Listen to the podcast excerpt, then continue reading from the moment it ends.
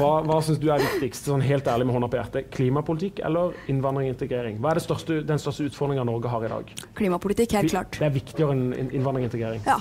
Our ability to live is what is at stake. For en fremtid som er bærekraftig. The growing threat of climate change. Det blir ikke noe grønt skifte av. Det er vår månelanding. With the global warming and that, a lot of it's a hoax. It's a hoax. And the damage that climate change is doing to our planet. Klimapodden en podkast om tolv miljøløsninger med Geir Ramnefjell og Bård Vegar Solhjell. Lenge så har vi sagt at klima er verdens eh, viktigste sak, vår tids viktigste sak. Men folk flest er ikke enig med deg. hvis vi, ikke... vi har undersøkelser som vi gjør med Ipsos MMI, så ser vi at innvandring og integrering troner øverst. Ja, sammen med skjøn- arbeid og helse. Det skjønner jeg, og så er det viktig å vite at hvis vi ikke løser klimakrisen, så vil vi få enda mer folkevandringer rundt omkring i verden. Dette sa Lan Marie Berg fra Miljøpartiet De Grønne foran valget i 2016. Og da hun sa det den gangen, så var det ganske kontroversielt. Og det er vel kontroversielt uh, fortsatt. Sylvi Listhaug var en av de som svarte den gangen, hvor hun bl.a. sa at uh, nei, det er innvandring som er den viktigste utfordringen vi har i dag. I denne episoden så skal vi gå inn i noe som er politisk betent. De som er opptatt av migrasjon, er ofte ikke så opptatt av klima.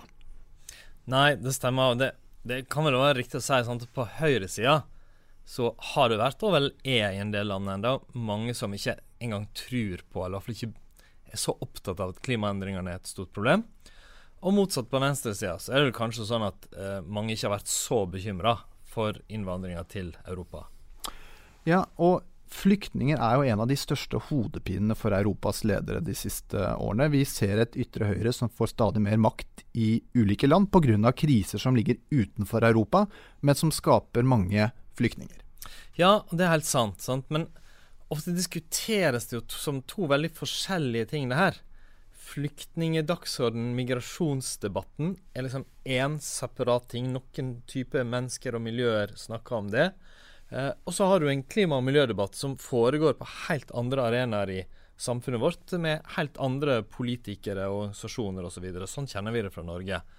Men vi skal ta dere med eh, ut til en virkelighet på bakken, der det her er en del av et større hele og henger veldig tett sammen. Ja, Først har jeg lyst til å si at det som er fryktelig tragisk, det er jo at det er de som har aller minst fra før av, som blir hardest ramma av konsekvens av klimaendringer. Og det er det man ser i, i alle sammenhenger. Dette er Robert Mood. Han er president i eh, Norges Røde Kors og har også eh, militær bakgrunn. Vi snakket med han om hva det er som gjør at mennesker må legge på flukt pga. klimaendringene. Stor flom ødelegger avlinger, øh, ødelegger hus. Øh, Gjør det vanskelig rett og slett å overleve der hvor du er. Og når du da ikke har materialer eller midler til å bygge opp igjen og skaffe deg et livsgrunnlag på nytt, så begynner du å gå i en annen retning. Og enda mer tydelig er det jo på tørke. Ekstremtørke, hvor kua dør, avlingen blir borte. Det er enkelt og greit ikke mulig å holde liv i familien der hvor du bor. Og disse har da ikke noe annet valg enn å få med seg den siste gjenlevende kua og det de, de sine viktigste eiendeler, og begynne å gå i retning av et sted hvor de har hørt rykter om at det kanskje er mulig å overleve. Det er jo ubeskrivelig, egentlig, fra trygge, gode Norge. Og er en, de er i en eksistensiell krise, og det er mange av de. Hvordan, hvordan påvirker klimaendringer mennesker på flukt og, og folks uh, behov for å flykte fra det de har? Vet dere i Røde Kors mye om det? Ja, det er jo et av de områdene vi ser veldig tydelig i, i Røde Kors. For um, hvis man sier det på den måten, så hadde vi tidligere eh, den store tyfonen hvor det var vinden som, som ødela. Um, du kunne ha altså ekstremvær som ødelegger. Eh, men det vi ser nå, det er jo at øh, ekstremværet blir verre, og så kommer det på toppen av, øh, av eh, krise og konflikt, f.eks. Så der hvor det tidligere var stormen da, som var mest truende, og som tok flest liv, så kan det i dag i mange steder være den stormfloen, altså at havet stiger i etterkant av en storm, som rammer mennesker som har samla sammen noen tømmerstokker, som har eh, fått litt hjelp fra det internasjonale samfunn med plastduker og sånt, og, og lagd seg et krypinn hvor barna da er nesten tørre, ikke sant, og, og kan klamre seg til eh, både håpet og til livet. Men så kommer da ettervirkningene, og som gjør egentlig større skade. Så de er mer sårbare enn tidligere.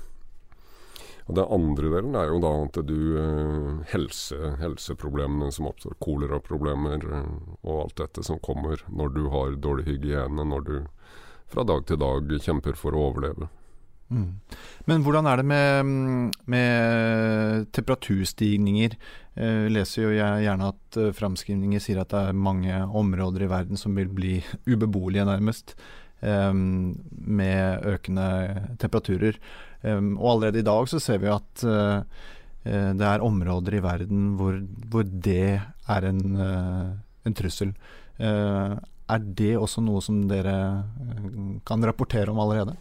Ja, vi har jo sett tørken på Afrikas Horn, som er ekstrem, og som den kommer igjen Det som er forskjellig fra tidligere, er at den kommer igjen med så tette mellomrom at de som lever av da jorda, de som livnærer seg og holder liv i seg og sine gjennom avling og, og dyr som må ha noe å spise, de eh, klarer ikke å hente livsgrunnlaget sitt inn igjen mellom hver gang det kommer en sånn ekstrem tørkeperiode. Og så er de inne i en ond sirkel. Uh, og så begynner mennesker å flytte på seg. Og Der er jo Somalia et av de aller verste eksemplene vi ser nå. Ja, fordi en, en, viktig oppgave for dere i Røde Kors er jo å jobbe med humanitære spørsmål i områder der det er krig og konflikt. Men, men er det eksempler nå på at klimaendringer òg blir en bidragsyter til at krig og konflikt bryter ut?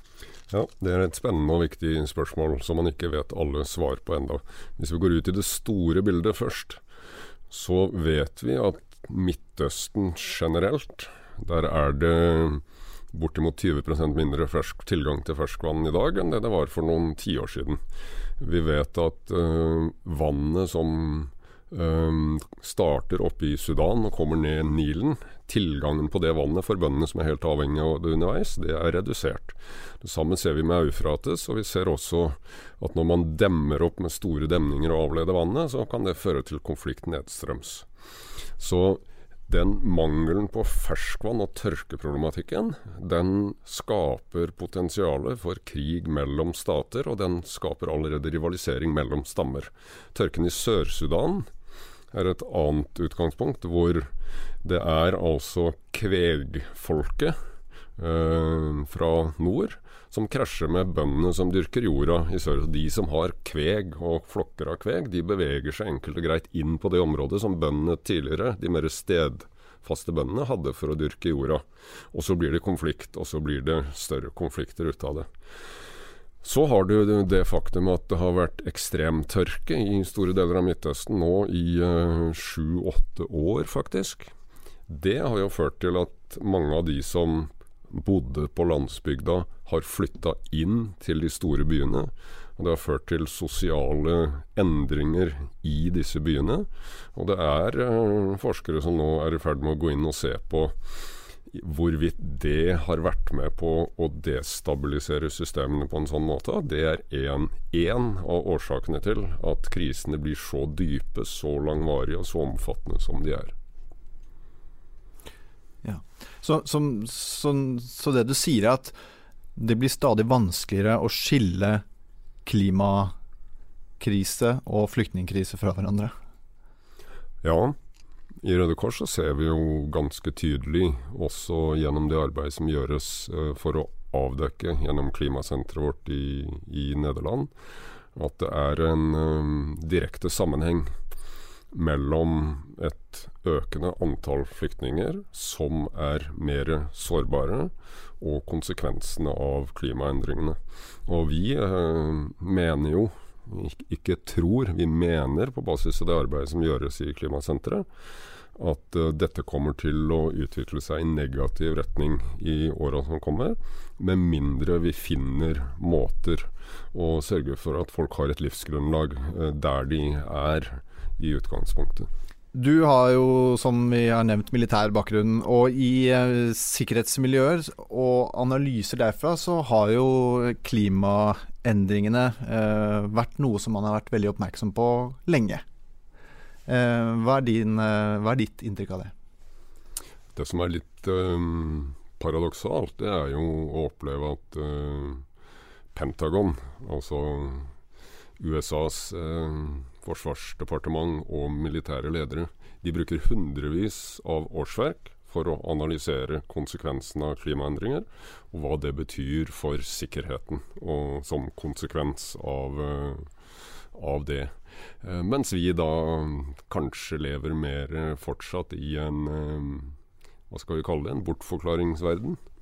Det vi hører Robert Mood si nå, understreker jo bare det underlige i at eh, dette her er to spørsmål som, som, behandles som helt forskjellige ting. Ja, det, det, er veldig rart. På bakken så er koblingene så tydelige. I Pentagon masse folk som nettopp jobber med koblinger. Og Ser du deg rundt i verden, så ser du jo at miljø- og ressursspørsmål ofte er sikkerhetspolitikk. Eh, vannmangelen i Midtøsten 14 arabiske stater er på lista over de vannene som lider mest under vannmangel. Eh, det har vært kobla direkte til konflikten i Syria i nabolandene. I Iran så var det store demonstrasjoner eh, nylig mot politi og demonstrantene. Det var nettopp så det mangel på vann, forurensning, forurensning av vann, som var tema. Eh, og vi vet at det òg i Somalia har vært en medvirkende årsak til konfliktene nå de siste årene. Så det, det er eh, en tett kobling mellom det. Mm. Men det å flykte fra klimaendringer gir jo ikke flyktningstatus. Så det er på en måte som en slags sånn juridisk propp som hindrer at de to debattene, altså flyktningdebatten og klimadebattene, renner sammen. Hvis du flykter fra krigen i Syria, eller fra politisk forfølgelse, så er du dekket av flyktningkonvensjonen. Dvs. Si vi andre er folkerettslig forpliktet til å gi deg beskyttelse. Hvis du fikk det fra klimaendring, enten det er et voldsomt uvær eller en forørkning, så har du ikke den beskyttelsen, fordi du ikke blir betraktet som forfulgt. Pål Nesse, du er eh, seniorrådgiver i Flyktninghjelpen. Um, vi lurer jo på dette. Hvorfor er det sånn at klimaflyktninger ikke har flyktningstatus? Det er fordi at eh, Flyktningkonvensjonen går helt tilbake til 1951, en oppfølging av menneskerettighetserklæringen. Erfaringene fra annen verdenskrig. Eh, det at du ble forfulgt eller offer for krigshandlinger. Og så har dette med erkjennelsen av klimaendringer jo kommet mye senere. Og så kan noen ha tenkt at ja, men om vi utvider Flyktningkonvensjonen, sånn at den også favner denne nye gruppen. Og det er vi blant dem som har vært skeptiske til, fordi vi har et politisk klima som ikke akkurat er blitt rausere i forhold til å beskytte dem som har forlatt alt de eier. Og åpnet vi Flyktningkonvensjonen, så vil den bli mindre. Vi mister en del av det viktige vi har. Derfor så må klimaet komme i tillegg gjennom andre avtaler. Men det, altså det var en forståelig historisk forklaring. Man kjente ikke til klimaproblemet når Flyktningkonvensjonen ble laga. Men i dag er det jo ganske mange som flykter uh, fra naturkatastrofer, klimaendring osv. Kan, kan du si litt, uh, Hva vet vi om hvor mange det er i forhold til de som flykter fra forfølgelse og krig? I fjor var et rekordår for flukt fra krig og konflikt. Ca. 16 millioner nye fordrevne av de grunnene. Men det var enda flere som ble fordrevet, som måtte flykte pga. uvær og klimarelatert vær. Dvs. Si jordras, flom, eh, tyfoner osv. Så, så dette bare viser noe av størrelsen på problemet. Og i tillegg kommer de som må flykte pga. forørkning, på det vi kaller langvarige klimaendringer, hvor det ikke er et sånn akutt regnskyll, men at du ikke lenger kan bo der du har bodd hele livet, og må flytte på deg av den grunn. Det har vi rett og slett ikke tall på, så de kommer på toppen. Hva var tallet på Det var 16 millioner som var drevet på uh, flukt pga. krig. Hvor mange var det pga. Uh, klimarelatert vær? Det var 18 millioner. 18 millioner. Yes. Men når man hører disse tallene, så er det jo Det, det, det henger på en måte ikke sammen. Uh, man skulle da tro at eh, mennesker som er da eh, tv- tvunget på flukt pga. klimaendringer, de skulle få en slags sånn beskyttelse eller en rammet, blir rammet av de samme typer rettigheter. eh, Rammet inn av de samme typer rettigheter som flyktningstatus gir. Hva, er det noe håp om at det kan skje noen gang eh, i framtiden? Neppe en stor internasjonal eh, konvensjon sånn som flyktningkonvensjonen. Men vi ser at en del regioner og en del områder gjør avtaler seg imellom. F.eks. har vi fått dette i Stillehavsregionen, hvor land som Australia og New Zealand sier at vi stiller plasser til disposisjon dersom f.eks. noen av øyene skulle bli borte i havet. Når det gjelder dette umiddelbare med uvær, så er det jo sånn, litt sånn som her hjemme, at hvis du blir rammet av uvær i Odda eller eh, Kvam, og må eva evakueres, så, så er det ikke nødvendigvis sånn at du bosetter deg i Bergen etterpå, eller i Sverige. Altså, da kan du dra hjem igjen. Så de fleste som blir rammet av disse akutte katastrofene, de drar hjem ganske fort. Så er det snakk om gjenoppbygging osv. Men fordi tallene er så innmari høye, så er det jo viktig å sette folk i stand til ikke å måtte flykte hver gang. Ved at du får mer robuste lokalsamfunn, litt tidligere varsling hvis det er uvær på, vær, på gang, og en masse sånne tiltak som også vi kan bidra til, som gjør at færre må dra av gårde, og at de forhåpentligvis kan dra så kort som mulig. Burde etter ditt syn migrasjon være en større og mer sentral del av klimadebatten? Helt klart, det må tas med fordi tallene øker jevnt og trutt, og fordi dette er noe vi bør ta tak i, og må ta tak i. Verdensbanken kom senest i sommer med en ny rapport som viser at de forventer at 140 millioner mennesker kan bli fordrevet permanent pga. endret klima. Vi flytter inn til byer eh, vi ikke kunne bo der de bor lenger. Dette er kjempeutfordringer dersom vi ikke får ned utslippene og får ned omfanget av klimaendringer. Dette er akutte problemstillinger. Det betyr også at flere vil kunne vil måtte røre på seg f.eks. i Sahel sør for Sahara. og Da er det naturlig å tenke seg migrasjon mot Europa. og Da er det i alles interesse å jobbe tidlig og effektivt med som alltid å hjelpe flest i nærområdene, og så kanskje ha noen sikkerhetsventiler med midlertidig opphold en stund inntil de kan dra hjem igjen. Det virker ganske åpenbart klimaendringer kommer til å føre til mer eh, migrasjon og flyktningstrømmer. Men utfordringen er jo det at vi mangler på en måte politisk eh, vilje til å gjøre eh, tiltak. Og hvis man ser på en undersøkelse som Den er, var litt kontroversiell da den ble sluppet, men den, den viste i hvert fall det at to av tre konservative norske menn tror ikke at klimaendringene er menneskeskapt, mot en tredjedel i resten av befolkningen. Den ligner litt på en, på en eh, amerikansk undersøkelse som tar for seg det samme. Um, um, og man ser på en måte et mønster at klimafornektelse går liksom hånd i hånd med fremmedfrykt. Ja. Altså, jeg har jo ofte tenkt på at jeg syns det er rart. Jeg, har, jeg er jo ingen var i hvert fall ingen helt nøytral observatør i det her. Jeg har ofte diskutert med mennesker som står langt til høyre, som er veldig skeptiske til innvandring, og som heller enten ikke tror på klimaendring eller vektlegger lite. Og så har jeg ofte tenkt men hadde ikke det vært mer rasjonelt for dere å heller hause opp klimaendringer som problem, og, og vise det hvor, hvor, farlig det kunne bli, hvor, hvor veldig mye mer innvandring vi kunne få til Norge og Europa pga. det, og dermed kanskje òg være opptatt av løsningen på det, for å vise at vi er opptatt av å holde innvandringa nede. Ja. ja, men da kan vi også snu det da, tilbake til deg, Bård Vegar. Altså, hvorfor er det ikke sånn at ja, venstresiden, som du da var en mer etablert del av før, men, og nå som da leder av WWF, hvorfor, hvorfor snakker ikke dere mer om innvandring når dere snakker om klimaendring, hvor mye innvandring det vil kunne føre til, som er sånn som skremmebilde. ja, nei, og det, altså, det, det, er et veldig godt poeng. Jeg, kanskje er det sant fordi mange har hatt en skepsis til liksom å åpne den boksen, på en måte. sant, Og, og liksom, liksom holde det litt unna, og bare fokusere på miljø og klima. Det er trygt og ryddig og kjent. Men, men jeg tror jo at det er riktig å få fram, gjøre mye mer kjent den tydelige sammenhengen mellom de to spørsmålene, som jo begge er så høyt på lista over det mennesker i Norge syns er viktig når det, når det er valg og i, i daglig politisk debatt. Nå har vi jo sett på dette ganske store og kompliserte eh, eh, temaet her.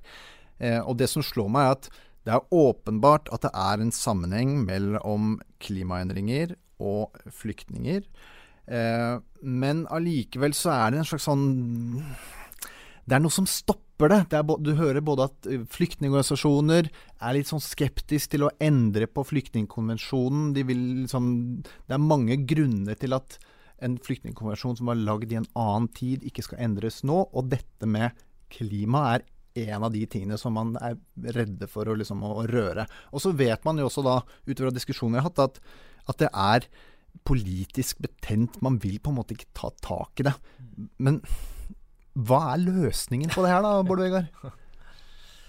Ja, takk for å få æren for jo, å presentere det her. Nei, men eh, la, la meg, la meg få si tre ting, da, som jeg tror kanskje er det mest sentrale. Og det første er det vi allerede har toucha innom, det mest basic.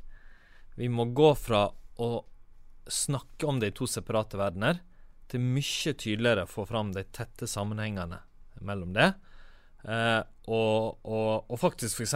fra oss som er opptatt av miljø og klima, problematisere og tydeliggjøre at det kan føre til store migrasjonsutfordringer i tiårene framover. Eh, så mer klar offentlig samtale, debatt, eh, mer kunnskap om det, er punkt én. Så er punkt to er politikk som tydelig løser begge spørsmål. Og Det er en del typer politikk som ikke gjør det, som bare fokuserer på det ene. Men noen ting er veldig tett sammenheng. og liksom To sånne eksempler. Det ene er utbygging av storstilt fornybar energi eh, og, og, nett og, og en god energiforsyning i områder der vi vet det er stor migrasjon fra. Mm. Det er både veldig bra klimapolitikk, kan, eh, kan sørge for eh, energi som reduserer klimagassutslipp, eller ikke, eller ikke tar et område fra å ikke ha strøm rett til, eh, til olje og kull. Og det kan være uh, bety oppbygging av nye forretningsmuligheter, øke levestandarden, gjøre at det er mindre sjanse for at folk legger på flukt. Og solenergi da vil jo være et perfekt Perfekt eksempel på det. sant? Ofte, ofte Av og til store nett, andre ganger litt off-grid, mindre systemer.